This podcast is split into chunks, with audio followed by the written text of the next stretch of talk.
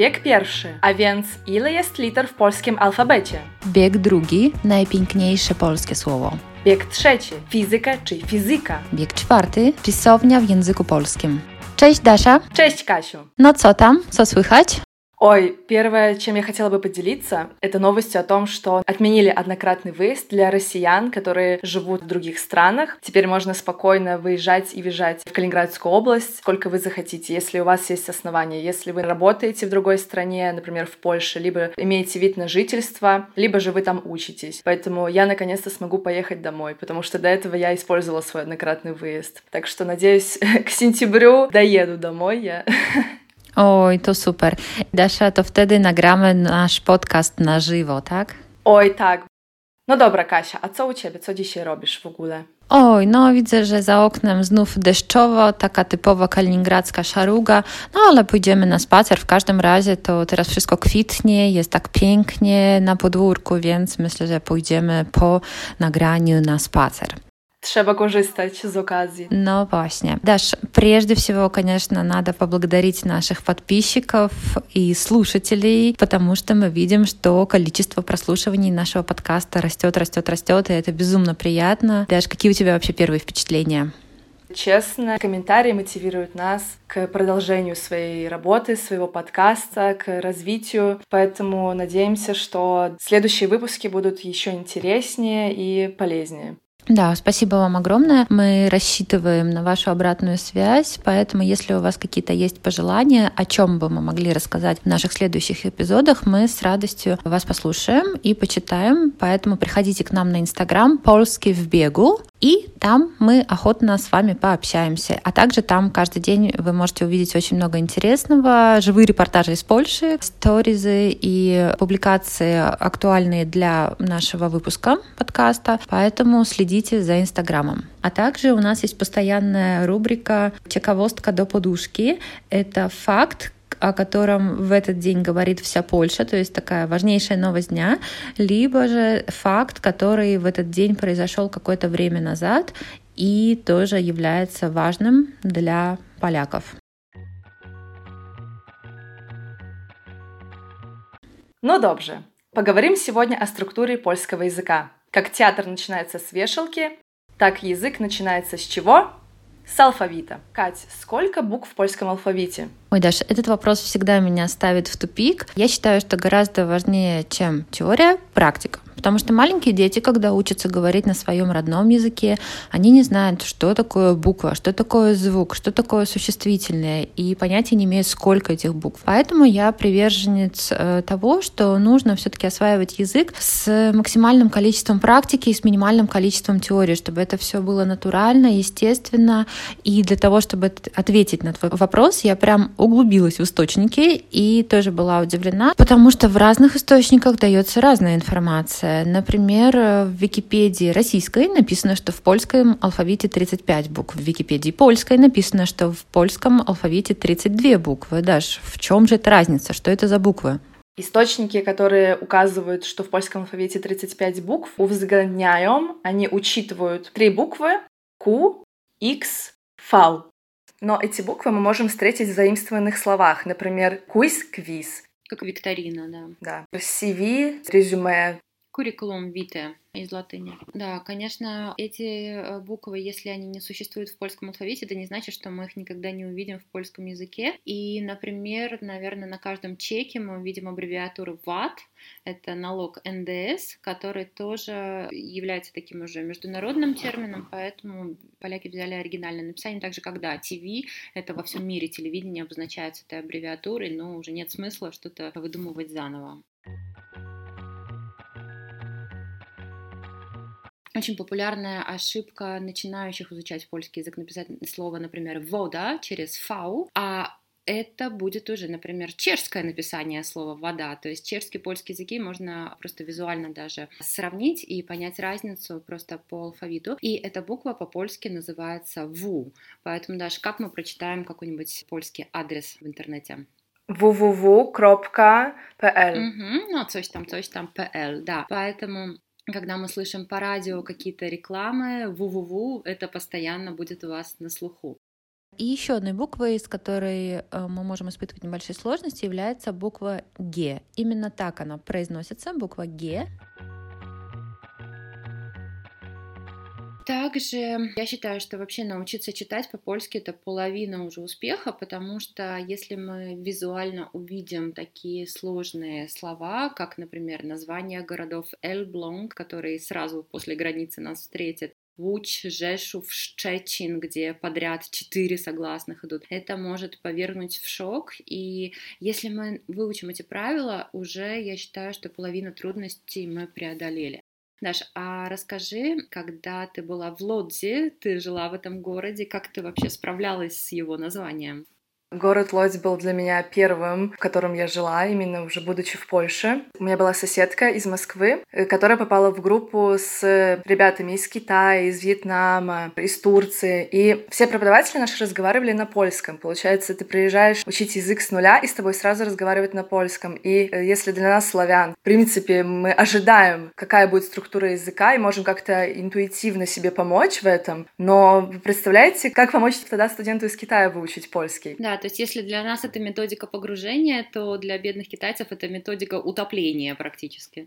Точно. Польский же еще считается одним из самых э, сложных языков в мире, он ходит в десятку. И во время занятий подружка мне рассказывала, что для ребят из Китая было очень сложно произнести слово «лодь», то есть «уч». И тогда преподаватель предложил студентам произнести слово «Холливуд», то есть «Голливуд». Холливуд, Холливуч уч. И тогда уже как-то с этой ассоциацией было им легче запомнить. Запомнить или запоментать. Запоментать. Ой, снова наши ложные друзья переводчика.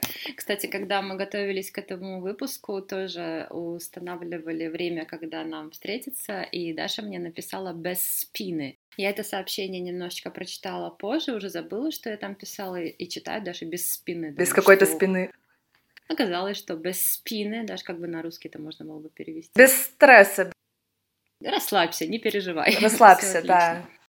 Но то добре. Что касается методики ассоциации, это даже тоже ты здорово вспомнила, потому что есть такой звук «дж» польском языке, который не все сразу понимают, как произнести. И есть тоже такой лайфхак — произнести русскую фразу «дочь бежит», и на стыке вот этот звук «дж» «дочь бежит» мы слышим звук «дж», как в слове «дверь», «день», «день добрый» тоже нам может помочь. И на самом деле довольно-таки много таких штучек, да, таких всяких лайфхаков, которые помогают нам овладеть польской фонетикой. Также стоит сказать, что еще одной сложностью в польском языке является то, что да, мы можем прекрасно выучить правила, они не бесконечны, но поляки некоторые слова пишут в оригинале. Это касается имен собственных, про которые мы будем говорить отдельно. Например, даже как будет Эйнштейн по-польски звучать. Einstein.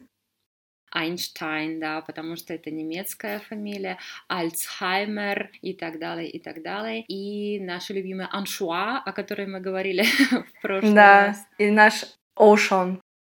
Ага, да, магазин, который тоже, наверное, каждый калининградец посещал. Но некоторые фамилии пришли из польского в русский язык уже видоизмененные, не соблюдая правил транслитерации. Они вошли в наш язык, поэтому некоторые фамилии мы, может, сейчас даже не распознаем. Например, фамилия Пьеха, Эдита Пьеха, она на самом деле по-польски читается как Пеха. Я тоже нашла информацию, что изначально так исторически называлась стопа, поэтому от слова Пеха пошло выражение даже... Ищ на пехоты iść на пехоте, да, то есть что-то связанное с э, тем, как мы идем пешком. Либо же фамилия Целковский, наш великий ученый, он тоже имеет польские корни, польскую фамилию, и если ее прочитать в польском варианте, даже как она будет звучать? Чоуковский.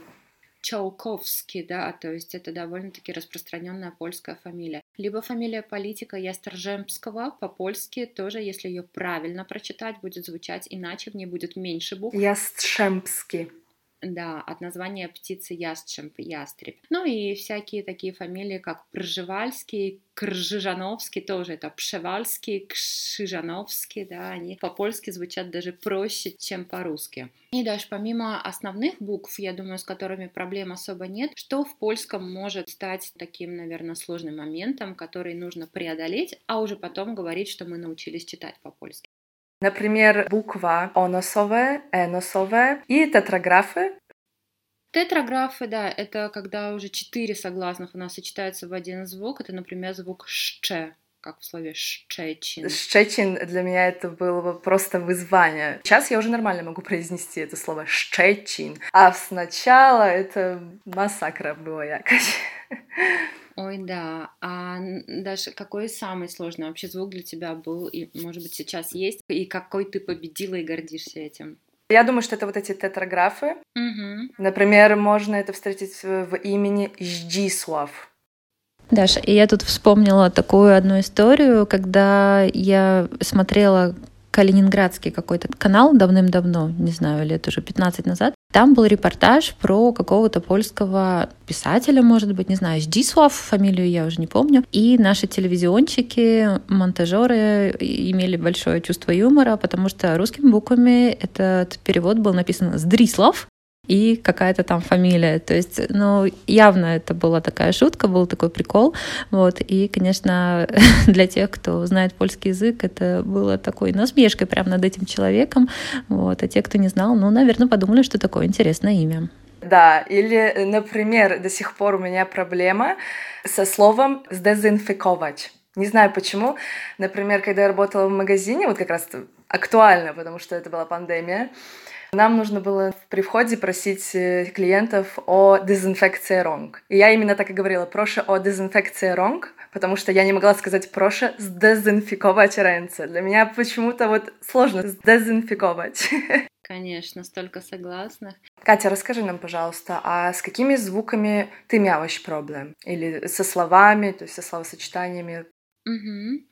Самым-самым сложным для меня сочетанием в самом начале изучения польского было сочетание звуков «в» и «в». То есть отдельно я понимала, как произнести «в», например, «вода», «в», например, «лапа», но как их вместе соединить, у меня просто вообще не поворачивался так язык. И потом э, всякие имена типа Вводек, Вводимеш, в итоге удалось мне их поконать, эти трудности, и э, потом я поняла, да, что нет ничего невозможного в этом мире. Ты даже, наверное, слышала, что сейчас в Польше проходит голосование на самое красивое или самое польское слово.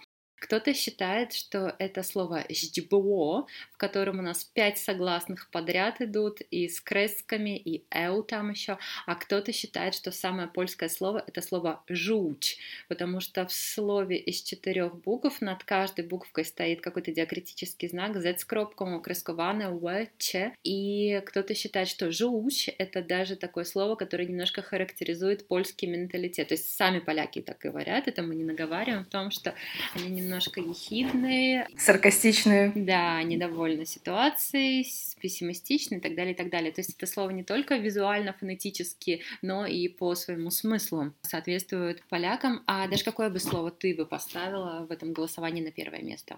Вообще, или мы говорим именно про звуки? Нет, вообще, вообще, вообще. просто вот какое слово ты считаешь своим самым польским любимым словом? Мое самое любимое польское слово — это импреза, О. потому что по нему сразу все понятно, что это вечеринка. И это было одно из первых слов, которые я запомнила. Очень нужное и приятное. Катя, а какое твое любимое слово? Ой, мне очень нравится слово «видимище».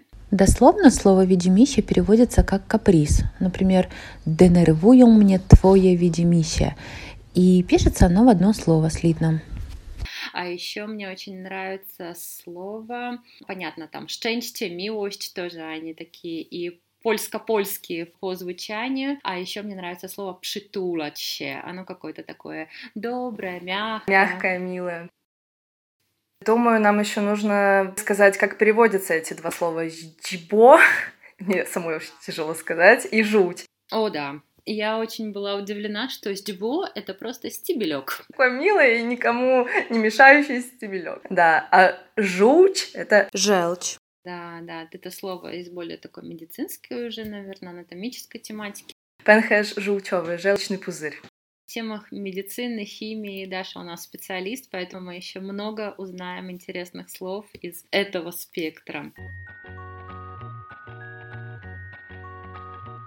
И что касается еще, да, диагритических значков, э, тоже такая частая ошибка, с которой я сталкиваюсь, когда только ребята начинают изучать польский язык, это написание буквы Z очень красиво, такой перечеркнутый. То есть мы считаем, что а, так будет красивее выглядеть, но в польском языке это уже совсем другая буква. Если мы хотим написать, допустим, слово «зима», буква Z у нас идет без всяких палочек для красоты, потому что Раньше эта палочка приравнивалась к точке. Если вы пишете букву Z перечеркнутую палочкой, это то же самое, что буква Z с точкой. Это звук Ж.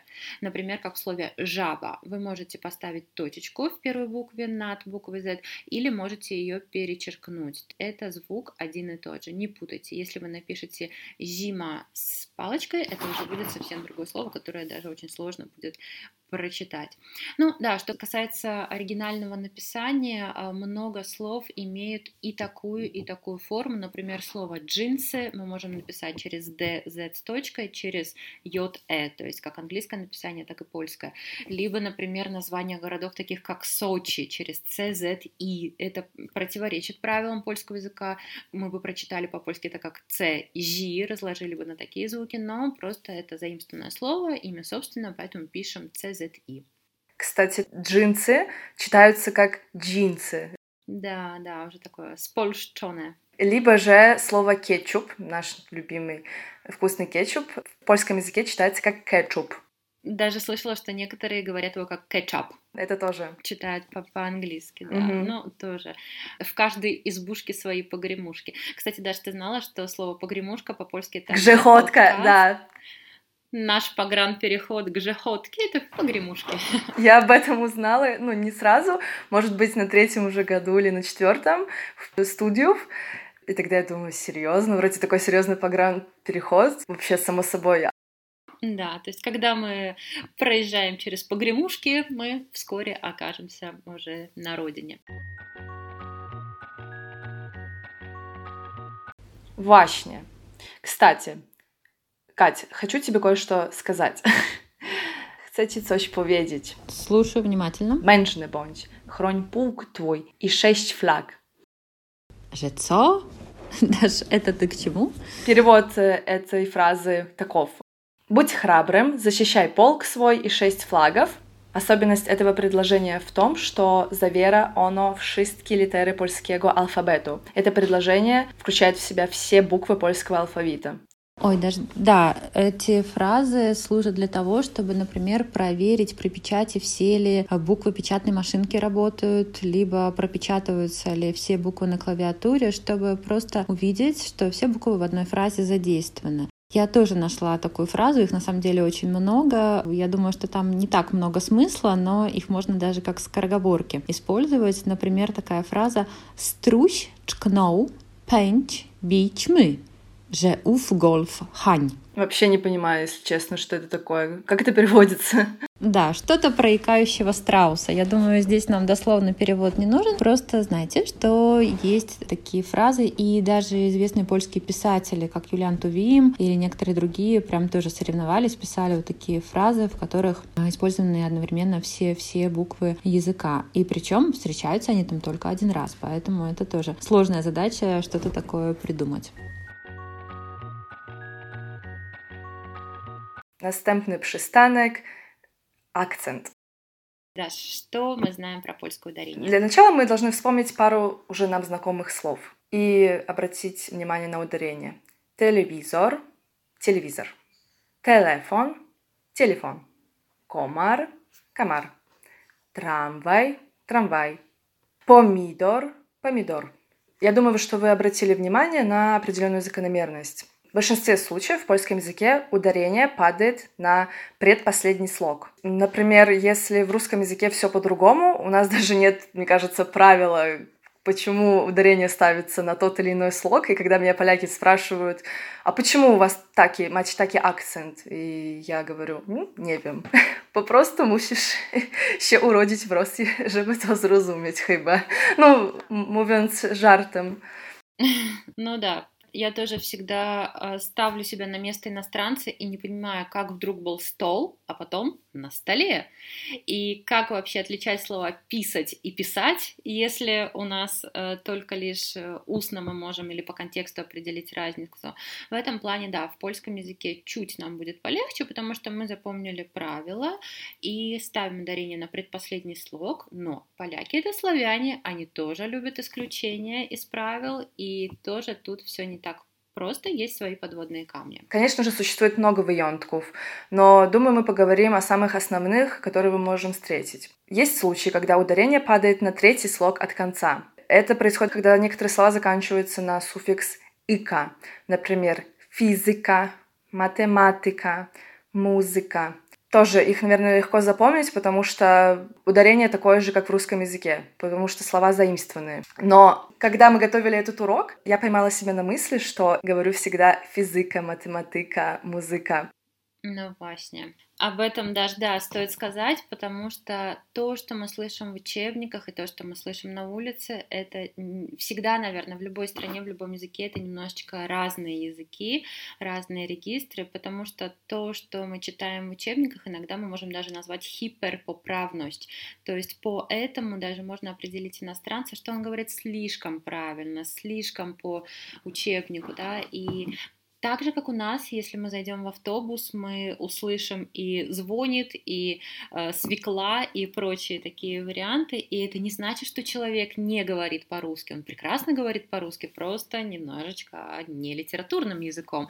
Также и в польском даже, да. Откуда ты взяла вот эти вот все музыка, политика? Кто тебе так научил? В университете все говорили, який є твій улюблений предмет? Физика. И все, и przez tyle lat уже сама настолько не могу по-другому просто говорить. И, и в моем окружении тоже, ну, никто не говорит так э, поправнее. Но даже по радио, в телевидении можно уже спокойно mm-hmm. тоже услышать политика, физика, Африка, и, возможно, это скоро будет уже вариантом нормы. Mm-hmm. Конечно, мы тоже не призываем наших слушателей э, говорить, как все говорят. Мы мы хотим, чтобы вы говорили поправнее. Но помните, что если вы ошибетесь, то никто э, зато вам головы не урве. Поэтому споко в любом случае вас поймут в такой ситуации. Помимо тех существительных, о которых сказала Даша, я бы тоже еще упомянула а, несколько слов. Это, например, слово университет, как правило, тоже его относят к исключениям. И слово Rzeczpospolita, республика, Rzeczpospolita Польска. Там в этом слове вообще два ударения. Rzecz посполита. Почему? Потому что это слово у нас является соединением двух слов «жечь» и «посполита», так же как слово «рес» публика из латыни, оно тоже состоит из двух слов «общее дело». Поэтому здесь у нас два ударения, и это, кстати, наверное, первое слово, которое будет вас приветствовать mm-hmm. на границе да. Польши, написанное огромными буквами «Rzecz Посполита Польска». Еще слово президент. Угу. Президент опера тоже у нас можно отнести к исключениям, хотя тоже президент опера вполне можно услышать. Ну и также еще второй такой большой группой исключений является глаголы. Да, что у нас по глаголам? Глаголы первого, второго лица я, ты, вы. Множественное число прошедшего времени. Например, читались мы, читалище. Мы читали, вы читали. Ударение падает на третий слог от конца. Катя, ты знаешь какой-нибудь метод, как запомнить это правило? А, ну, мы просто берем форму третьего лица они, оне, они читали, one czytały и прибавляем ударение читали, czytaliście, czytaliśmy, czytały, czytałyśmy, czytałyśmy. Но так тоже э, говорят, наверное, только люди с филологическим образованием в Польше, потому что большинство поляков даже как скажут?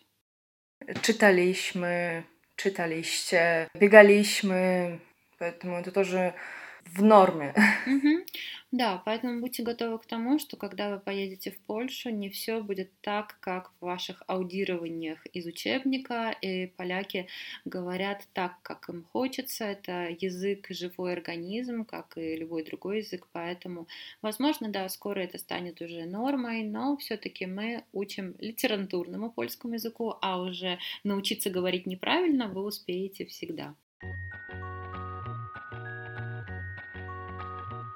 Тоже хотела рассказать интересный пример. Немножко это дегрессия, отступление от темы. Когда у меня было первое занятие в университете, меня спрашивали, почему ты приехала в Польшу. Я хотела сказать «przyjechałam до Польски», потому что, то, czyli chciałam przyjechać do Polski, ponieważ и так далее. Всегда потом мои друзья, моя компания, они потом смеялись, что «ponieważ» для них звучало так официально, так по учебнику. Ибо.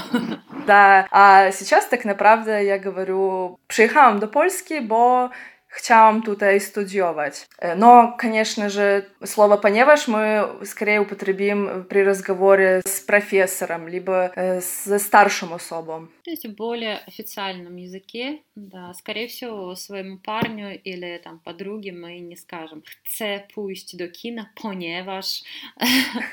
Да, это смешно.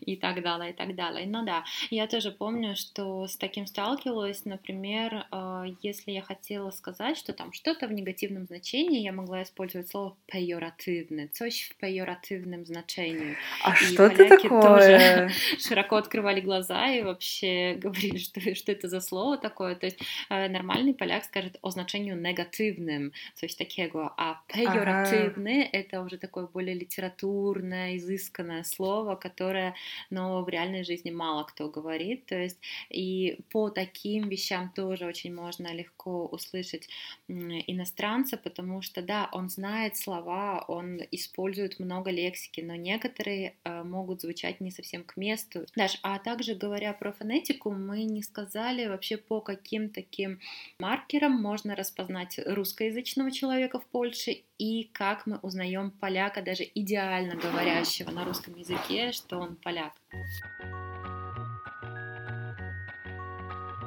как нас отличают поляки от других иностранцев, понимают, что мы не самые лучшие шпионы. Что мы такого делаем? Mówiąc так prościej, мы акаем. Угу, да, это наша интонация, się самоглоски, да, то есть мы очень тянем, и, как мне говорили поляки, им русский язык даже очень нравится, потому что они его слушают как песню, потому что у нас очень плавные такие звуки, и да, мы акаем, то есть очень часто мы говорим вместо работа, работа, например, или а, погода, погода, поэтому если вы хотите быть хорошим шпионом в Польше, окайте, как будто вы из Вологды приехали. Да, то есть як się pisze, так się czyta.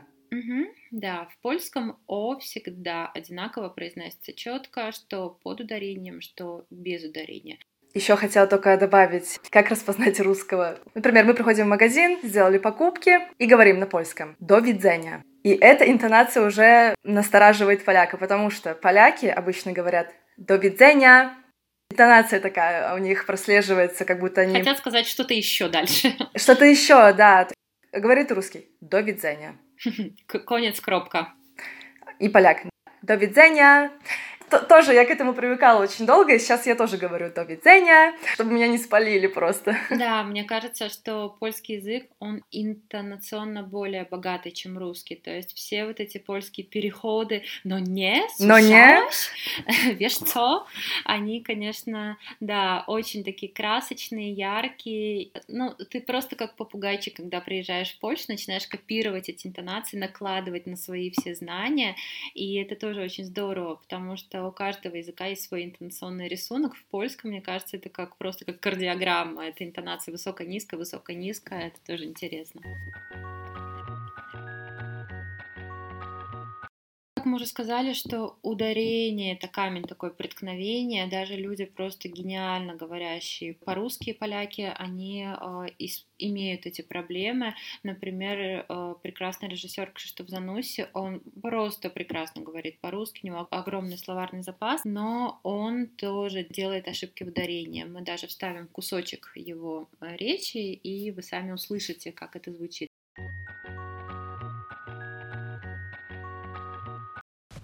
Боже мой, от чего начать?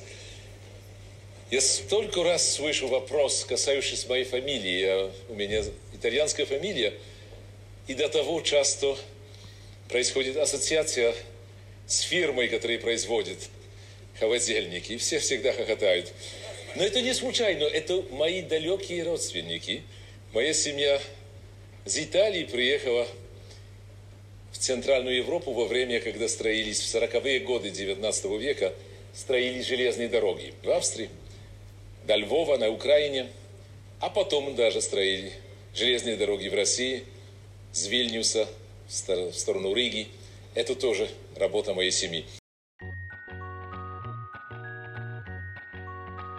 И второй такой момент – это то, что поляки не справляются с нашим звуком «л». Акула плавает в Балтийском море. В польском языке существуют либо мягкие «л», «л», как в слове «лато», «липец», либо твердый «л», «в», как в слове «łapa». И когда ты просишь поляка сказать что-то среднее, например, слово акула, они практически до слез пытаются сказать это слово, но у них не получается. Либо акула, либо акула. И, конечно, им, да, очень тяжело это сделать, потому что артикуляционный аппарат немножечко другой.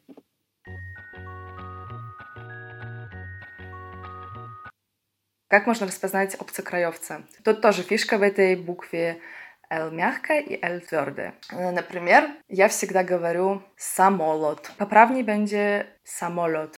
Даже некоторые русскоязычные мне говорят, что я смешно всегда произношу букву L. Но я тоже стараюсь с этим все-таки бороться, потому что, э, мне кажется, сколько бы ты ни жил в другой стране, все равно этот акцент, он будет э, затираться, но все равно будут какие-то моменты, по которым нас можно распознать. Но не стоит этим ще przejmować.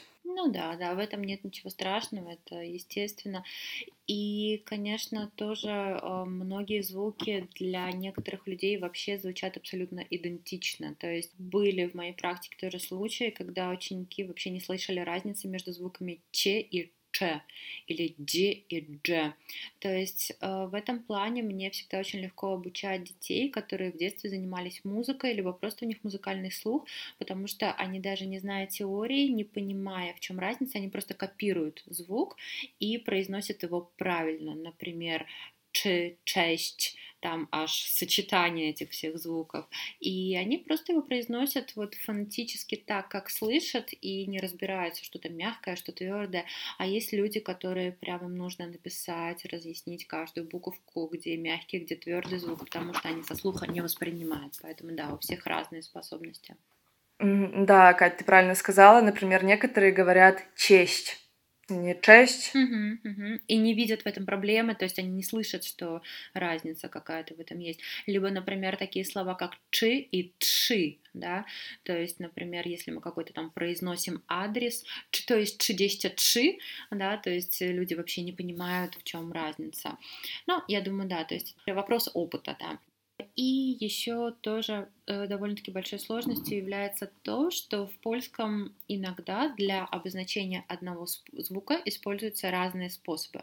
Например, звук «ж» может выражаться в польском как буквой «z» с точкой «ж», так и сочетанием двух букв «рз».